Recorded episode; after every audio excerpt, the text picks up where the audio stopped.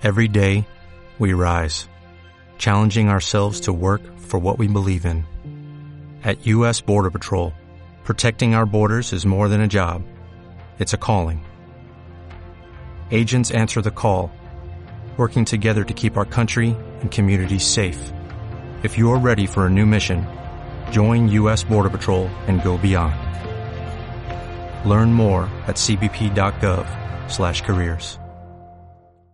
En los próximos minutos vais a oír el audio correspondiente al tema 5.3 del ámbito social de la educación secundaria para adultos. El tema se llama La Edad Media no es sólo cosa de hombres. Empezamos.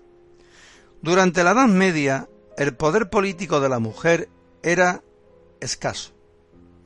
Como norma general, la mujer no tenía voz ni voto. El derecho que existía estaba asociado a los varones, a los hombres, no a las mujeres. Pero esto no significa que su papel en la Edad Media fuera irrelevante.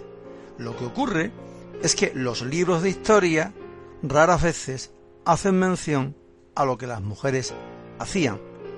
Y de hecho hacían cosas fundamentales.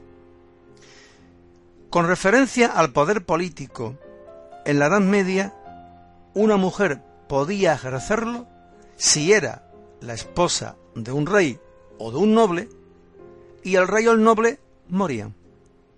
Cuando se producía este fallecimiento, la mujer pasaba a tener un papel importante, significativo. Por norma general, a la mujer medieval se le ofrecían tres espacios para desarrollar su vida. El matrimonio, el convento o la prostitución. Pero muchas mujeres lucharon por saltarse estas limitaciones. Eh, de hecho, en contra de lo que muchas veces se suele pensar, existía cierta igualdad a nivel de enseñanza entre hombres y mujeres.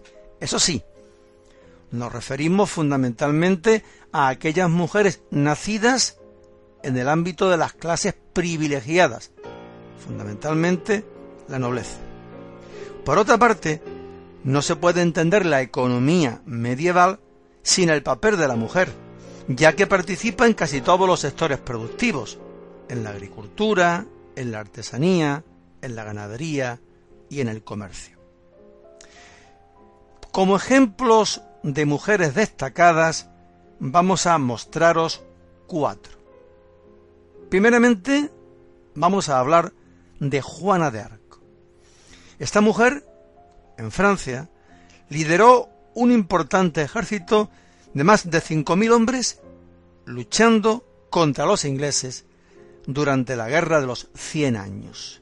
Hoy, Juana de Arco es la patrona de Francia y la Iglesia Católica, después de acusarla de brujería y de quemarla en una hoguera, la santificó, la convirtió en santa. Un, un segundo ejemplo de mujer destacada fue Doña Urraca, primera reina titular en la historia de España, en concreto fue reina de Castilla y León. Un tercer ejemplo lo tenemos en Hildegarda de Bingen, que fue una importantísima escritora de la Edad Media. Sus obras trataban sobre temas tan diferentes como la teología, es decir, el estudio de los temas religiosos, o de la ciencia. Y el último ejemplo que vamos a poneros es el de Christine de Pizan, que fue una de las primeras mujeres en impulsar un movimiento en defensa de los derechos de la mujer. Su libro, La ciudad de las damas, fue un ejemplo claro de esta reivindicación del papel de la mujer. Como escritora, también defendió la importancia de esta para la sociedad. Hasta aquí el audio de este tema que confiamos os sea de utilidad.